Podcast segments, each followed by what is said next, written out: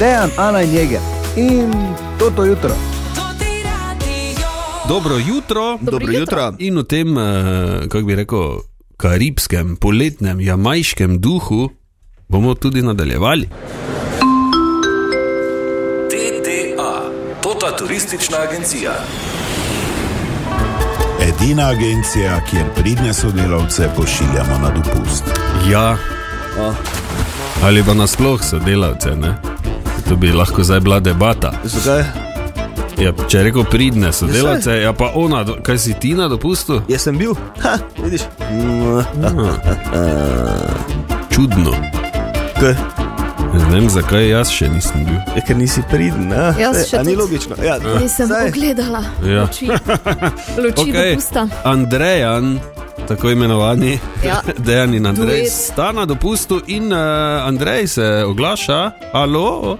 Še enkrat lepo zdrav iz Maldivov. Danes sem jaz na vrsti, ker se je dejansko odločil, da ko govorimo o maldivski hrani, potem moram jaz kaj o hrani povedati. Aha. Okay, da smo si na jasnem, vse, ki vas je strah, kaj bo na Maldivih, če boste šli na dopust, pa ne boste jedli nič takega, kar poznate, vas ne rabi biti strah. Tipičen primer za to so vedlinovi pubeci, ki so že prvi dan popovdne našli restauracijo, v kateri imajo tudi pohano. Tako da brez skrbi, tudi če ste navajeni na pohano, boste na svoj račun tukaj prišli. Predvsem pa tisti, ki imate radi recimo sveže sadje. Tukaj na otoku um, raste veliko, veliko sadežev, od lubenic do papaje, marakuje, kokosi so sveži, tako da res ni težav s svežim sadjem. Uh, in pa morska hrana, raki, ribe, včeraj so nam jih tudi zgrilali, uh, tako da je res, res dosti morske hrane. Tisti, ki imate radi tajsko, kitajsko, indijsko, pa tudi pridete na svoj račun, ker restauracij je vseh vrst enako kot pri nas, od tistih z morsko hrano do kitajskih in seveda še ta tretjih s pohanim, ki so tudi izjemno priljubljene, sploh pri naših domačih turistih, bom rekel. To je to, eh, brez skrbi, torej, da bi kateri od naju shujšal kak kilogram. Eh, Je pa res, da eh, razen pohanega je vsa ostala hrana zelo eh, sveža in pa naravna. Tako da mogoče bo vseeno koža malo lepša, no ko prijema nazaj. To je to, glede hrane, mi smo zajtrk danes že pojedli, zdaj pa nas čaka še en zanimiv izlet, na katerem se bomo kopali z morskimi psi in uh, mantami. Jaz uh, bom pazil na Dejana, upam, da ga pravi čas potegnemo ven. Če bo temu tako, pa vam javim jutri. Hvala lepa, Andrej. Ne pazi na odgovornega. No. Če se ga ne bojo banda, ni. to te ribe, veš, ko bo prišle. Glej, medved, rar, rar, rar, kočevski je prišel. Mi se to zaheca, veš. Če ne boš, veš. Ana, Jeger in Tomas smo tukaj, dobro jutro. Dobro jutro. Dobro jutro, mlade mariborske vrhunske športnice Tajre Bara, da verjetno ni potrebno podrobne predstavljati, ne, Ne. Jeger? Ne, ne. tebi še najmanj, ne? Ja, jo, ja. Kot ti je pokazala, ki ima dreva raka. Lepo me je smatrala takrat, kaj si ti noveni uri, sem bil. Sem Meni je bil. pa ful smeš. Ja, če pač nisi navaden, ti bi pa njo zmatral za šankom, ne, ali pa s, ne vem, šest kil kure, da bi mogla pojesti. Recimo, to, Recimo, to, ne, ja. tako pač je. Uh, Tajra seveda konstantno opozarja nas, recimo lani, samo če malo na hitro iz Evropskih iger uh, v Krakovu se vrnila srebrno in zlato medaljo v kickboksu, svetovnega prvenstva na portugalskem z zlato in bronasto medaljo, svetovnega prvenstva v tekvandoju na finskem zlato in z evropskega v Romuniji z dvema zlatima medaljama. Ja, br- Ja. Ni da ni. Kaj si ti nor? Ne? Tako da, uh, kapo dol že zdaj. Uh, z njo pa se je pogovarjal Matej Rigent. No in eh, ko ste omenili že, da se z eh, očetom tudi doma pogovarjata uh, o treningih in o tem športu, kako pa z mamo, glede na to, da tudi mama je nekdanja tekmovalka, se ona drži bolj v zadju, ona bolj tista mehka duša. Ja, to je res prav. Včasih mi je res škoda, ker marsikdo ne ve, kako da dobra je bila ona, ker tudi ona je bila svetovna prvakinja. Mhm. Ampak ona se je res zdaj postavila v vlogo mamice um, in je v bistvu tam, ko pač imam slab dan, v bistvu je v bistvu tam vedno za mene, ko pač imam drugačna čustva. In vedno zna prisluhniti. Vedno ona bi mi sigurno lahko povedala, pa mi pametovala o marsičem, pa res nikoli, tudi ko pride kdaj zraven na tekmo, mi je full fajn, da je zraven. Ker res ne pametuje, ampak je samo tam za mene in je včasih fajn imeti samo osebo za v bistvu neko tolažbo. Ramo za nasloniti. Ja, točno to in to je mami in to mi je res všeč, da kljub temu, da je ona ne vem, kakšna prvakinja in res bila legenda včasih, um, ja, da sploh ne na v bistvu vpliva na mene s tem. Lepo, ne? Ja. Lepo je povedala. Okay, celoten pogovor s Tajro najdete v audio špajzi na naši spletni strani. Pa dobro jutro. Dobro jutro. Lepo zdrav, dobro jutro. Dobro jutro. Dobro jutro. Danes, ko je zadnji dan v februarju, vsake uh, štiri leta je 29. Ne? Res je. Res je. Okay, danes je torej mednarodni dan redkih bolezni. Uh, vsako leto ga torej obeležujemo na zadnji dan v februarju. Razglasila ga je Evropska organizacija za redke bolezni Eurordis z namenom večanja zavesti o redkih boleznih in njihovi problematiki.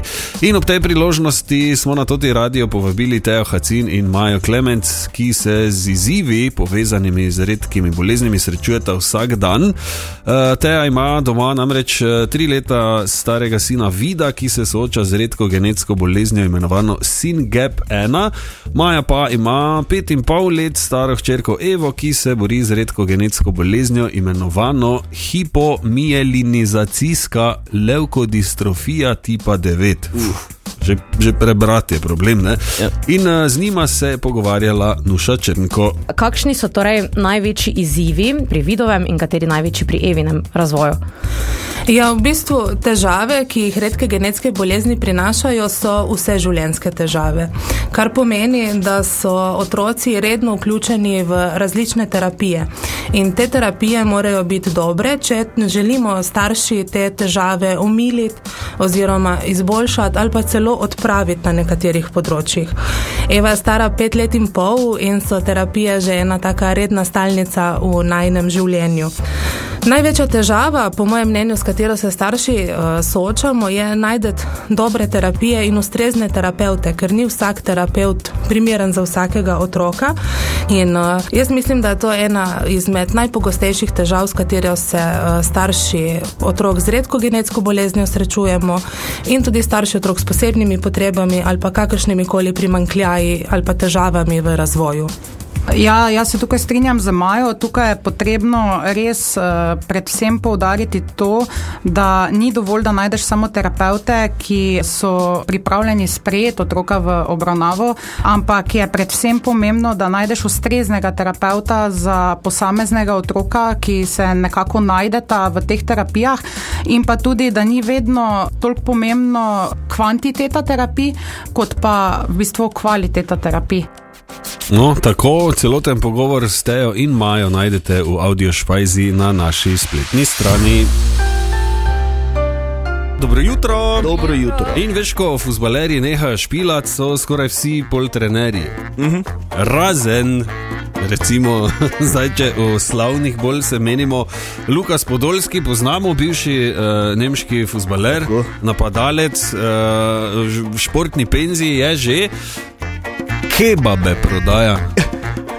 Ni trener, ampak prodaja kebabe. In to čisto se mu je zmešalo, že več kot 30 restauracij eh, s hitro hrano je odprl. Eh, v Kölnu je prva, ker je tam začel. Zakaj govorimo o tem? Zato, ker 25. junija.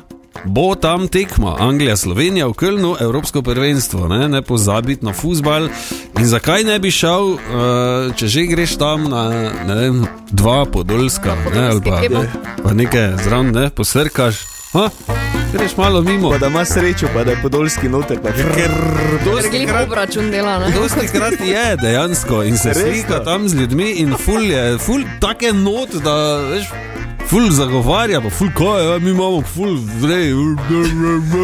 Pa zdravo, imamo bolj kot oni iz Amerike, ona veriga. ne.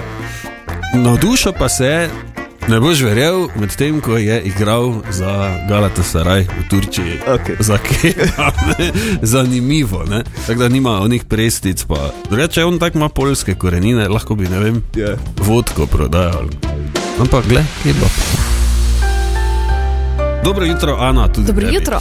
Zmeljkov imajo zunaj nov komat. Jej, Vedno je fajn slišati, ne, da uh, bendi, ki že nekaj časa delujejo, niso rekli nič. Ne? Teh 100 jurjev na mesec je bilo dovolj. Gremo nazaj na 950. Okay, o čem govori nov komat, je povedal pevec in kitarist skupine Goga Sedmak. Še dobro govori v bistvu o tem, da se na neki določeni točki eh, človek mora v bistvu skoraj da malo prisiliti, da je dobre volje, pa da najde kaj lepega okoli sebe. Veš, ko ti crkne avto, ne sredi avtoceste in imaš dve opcije. Ali al popeniš in začneš brcati v, v gumo in to z glavo ob, ob havbo, ali pa se češ, gledaj, še dobro, bo manj odličnega odtisa. Ne.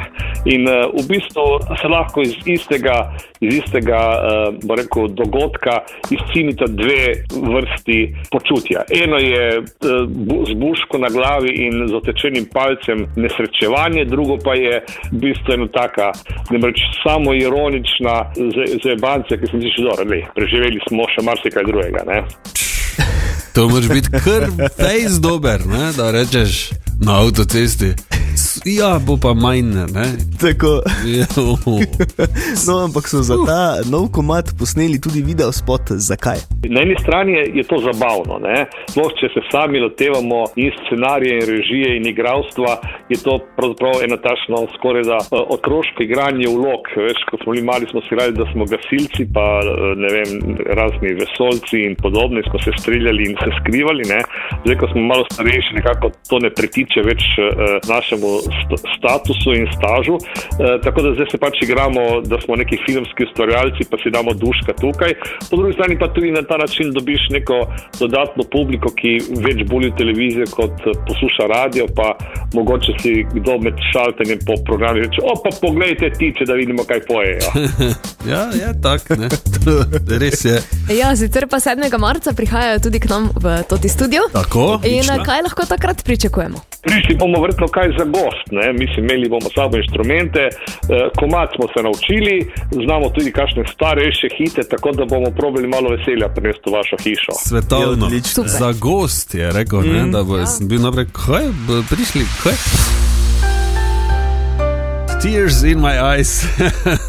to, Ana, draga, se pa zgodi, če takrat, ko uh, sem jaz na, na plesišču, ko je v bistvu gre za umor na plesišču, Ja. če je slučajno kje kakšno odsevno telo, da se vidim, plešem potem s solzami Aha. v očeh. Po mojem, ne bi bil edini. No, kaj se menimo? Kaj boš govorila? 20 minut pred 9, zdravo, dobro jutro. Dobro Dobro jutro. jutro. Kaj je jeger? Kaj je? Koliko imaš počepov že na dan? Danes, oziroma danes jih še nisem naredil, Oj, včeraj 20. Kaj 20? Je bi mogel na 5 minutih 20. Na... Kaj? Ne, če Jutri stopnjujemo. boš delo celo jutro.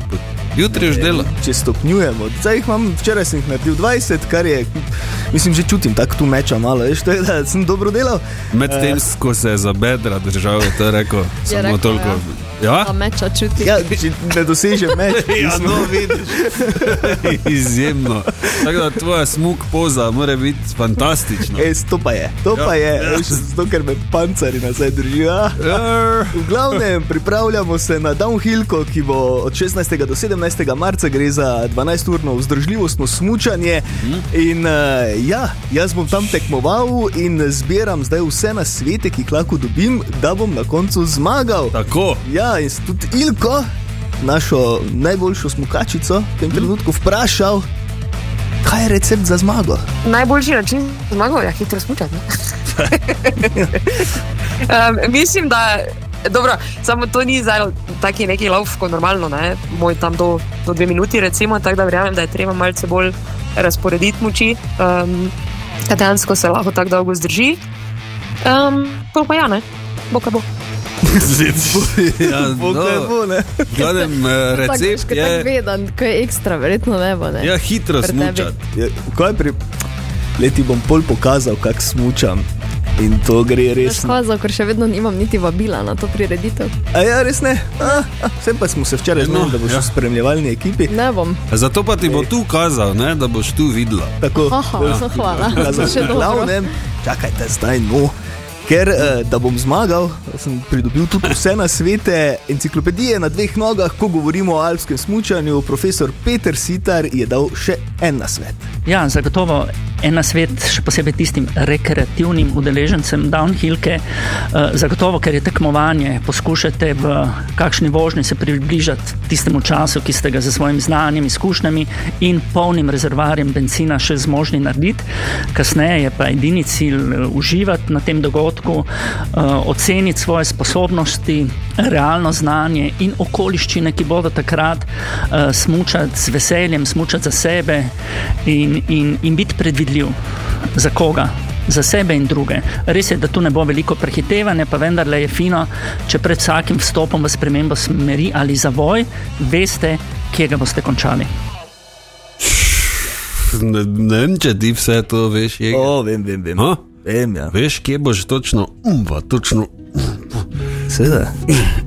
Če pred eh, samim tekmovanjem je ogled proge in pol bom jaz tam na koncu tak. Ah, rešeno. Dejan, Ana in Jeger in toto jutro.